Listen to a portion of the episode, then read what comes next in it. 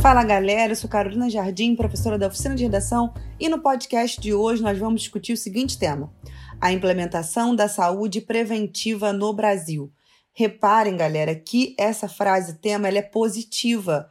Saúde preventiva é algo bom, então é importante o tempo inteiro você trazer o problema. Se a saúde preventiva é boa, por que, que a gente não tem saúde preventiva no Brasil? Ou por que, que é precária essa saúde preventiva? Sempre tenha noção de que esse é o nosso parâmetro de problematização para você não fazer uma redação que só fale bem da saúde preventiva e acabar não tendo que solucionar a sua intervenção, tá? A primeira ideia de contextualização que eu trago para vocês é a definição de saúde da OMS. A saúde é um estado de completo bem-estar físico, mental e social e não consiste apenas na ausência de doença ou de enfermidade. Essa definição é ótima para mostrar como que a saúde curativa, que é o que nós temos hoje, a gente primeiro fica doente, depois procura o médico, depois procura o tratamento, ela não é suficiente para contemplar a definição de saúde. Então, essa é uma primeira contextualização que você pode colocar tanto aqui ou no próprio desenvolvimento, se você preferir. Uma outra ideia é vocês falarem sobre o livro Inocência, do Visconde de Taunay, que fala a história do Cirino, que é um farmacêutico, um boticário, que no livro ele vira um médico. Como assim ele vira um médico? Ele se formou em medicina? Não. Como aquelas pessoas não têm acesso à saúde, o maior acesso que elas têm à medicina é através de um farmacêutico que começa a prescrever medicamentos para aquela população. Então, reparem que esse exemplo dessa dessa produção cultural, desse livro Inocência, do Visconde Taunay, traz para a gente a dificuldade que o brasileiro tem de acessar a saúde. Pensa comigo, se estava difícil para aquela população ter acesso à medicação, ou seja, à saúde curativa, imagine a saúde preventiva.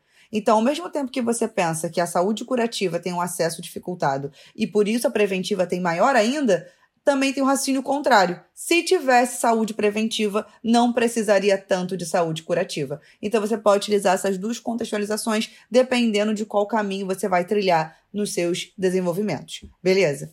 O nosso primeiro argumento pode ser a negligência governamental. Como assim? A a negligência governamental faz com que a promoção de saúde pelo governo não seja adequada. Como assim? Quando a gente fala de campanhas de vacinação ou contra HIV, outubro rosa, novembro azul, alimentação saudável nas escolas, locais para atividade física, tudo isso são exemplos de promoção de saúde, de medicina preventiva. Porque a vacina, ela previne aquela doença. Quando nós temos a divulgação de métodos para você utilizar para não ter HIV, para não ter doenças sexualmente transmissíveis, é uma medicina preventiva. Quando a gente tem uma alimentação escolar no ensino integral que dê de fato o almoço, um café da manhã, que tenha a, as características nutricionais necessárias para aquele indivíduo, eu tenho ali uma saúde preventiva, eu estou prevenindo a desnutrição e problemas dentro da nossa do nosso diagnóstico, né, do nosso sangue e todos os nutrientes que a gente precisa ter para ter um organismo saudável, assim como a atividade física que vai prevenir problemas ortopédicos, que vai prevenir o sedentarismo. Então, tudo isso é promoção de saúde. E nós temos a negligência governamental, porque nós temos pouca promoção de saúde, seja campanhas, seja na prática de produzir locais, por exemplo, de acesso à atividade física de maneira gratuita, como as praças que têm é, materiais de acesso à atividade física mesmo, que você poderia ter numa academia, só que tem de maneira pública e gratuita. Então a gente precisa de mais investimento nessa área, tanto na alimentação das escolas, quanto na alimentação dos restaurantes populares, quanto em locais para atividade física e campanhas. Todo tipo de campanha que ajuda na saúde contra doenças, vacina, outubro rosa, novembro azul e etc. Então, se o governo não investe nisso, ele não está promovendo saúde, ou seja, ele está negligenciando a saúde preventiva e se preocupando muito mais com a saúde curativa. Beleza? O nosso argumento 2 pode ser a lógica capitalista. Como assim?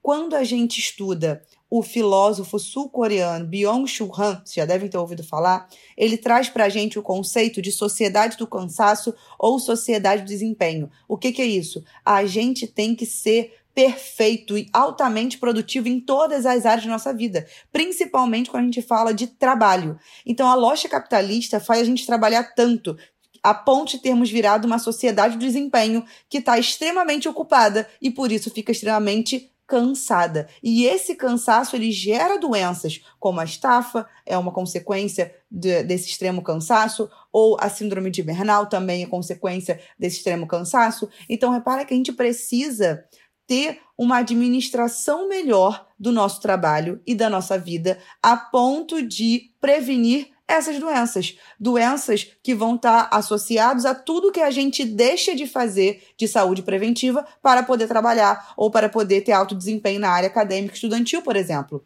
Então a gente precisa combater a lógica capitalista do alto rendimento na área de trabalho e estudo em detrimento da nossa saúde. A gente deveria investir mais tempo cuidando da nossa saúde, em vez de ter que investir todo o nosso tempo correndo atrás de uma sociedade que exige um alto desempenho em todas as áreas da nossa vida. Beleza? Pensando nesses dois problemas, a lógica capitalista e negligência governamental, a gente pode trazer algumas soluções. Primeira solução para o problema da negligência governamental. O Poder Executivo deveria distribuir melhor a quantidade de verbas que vai para a medicina curativa e para a medicina preventiva, para ter um maior investimento nessa promoção, nessas campanhas que promovem a saúde. Beleza?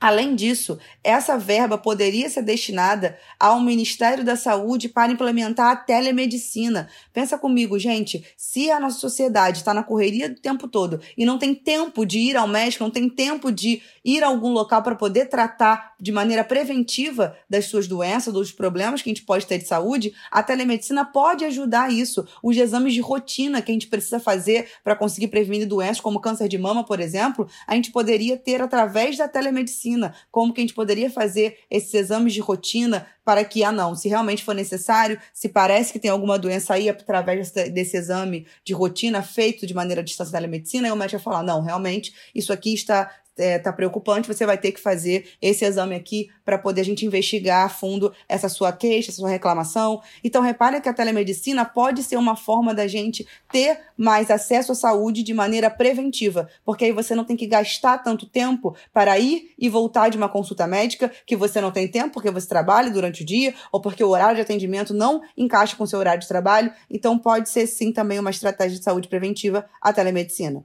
Beleza? E para poder conseguir combater essa lógica capitalista, como que a gente poderia ter uma intervenção? A gente poderia fazer parcerias público-privadas. Como assim? Toda vez que a empresa fizesse um benefício de modo a promover a saúde preventiva, ela ganharia uma isenção fiscal. Como assim? O vale-refeição das empresas que oferecem aos trabalhadores de carteira assinada poderia ser um vale-refeição que só funcionasse em restaurante, que não funcionasse em fast food, por exemplo, para valorizar a alimentação saudável. Ou os restaurantes poderiam dar desconto para os trabalhadores que se alimentassem lá daquela alimentação que é saudável, que não é um fast food. Então a gente poderia ter essa parceria, seja com a empresa que oferece o vale-refeição, seja com o restaurante que provém essa alimentação mais saudável. Poderíamos também sugerir que as empresas permitam aos trabalhadores que têm esse, o emprego possível de exercer o home, home office, fazer, por exemplo, home office duas vezes na semana. Por que isso? Porque aí, aquelas duas horas de engarrafamento de trânsito que o funcionário perde para ir voltar do trabalho durante dois dias, poderiam virar duas horas de atividade física, que ele poderia fazer numa academia, que ele poderia combater o sedentarismo, ele poderia cuidar da vida dele, ou fazendo atividade física, ou até indo a consultas médicas de prevenção. Então, a gente poderia fazer também essa parceria público-privada, também com as próprias academias, que poderiam também oferecer descontos pra, para os trabalhadores que estivessem usando esse tempo do home office para isso, né? O tempo que eles ganharam do seu do seu translado otimizado e também poderíamos ter as empresas fazendo a lógica de contagem de horas de trabalho não por dia, mas realmente num banco de horas. Como assim? Em vez de eu ter que trabalhar todo dia de 8 às 5, eu posso durante um mês trabalhar todo dia de 7 às 6 para poder no final de, de um mês eu conseguir não trabalhar uma sexta-feira inteira e eu conseguir fazer um momento de lazer, eu conseguir fazer uma viagem final de semana. Então reparem que tudo isso são formas formas da gente ter uma prevenção aos problemas que geralmente são decorrentes de um excesso de trabalho, um excesso de atividades e uma falta de tempo, além de termos psicólogos no trabalho que ajudariam na prevenção de doenças psicossomáticas. Beleza? Então, assim a gente consegue trabalhar um pouquinho da implementação da saúde preventiva, que é algo bom, algo que deveria acontecer, mas não acontece pela negligência governamental e pela lógica capitalista. Beleza? Espero ter ajudado vocês. Bom texto.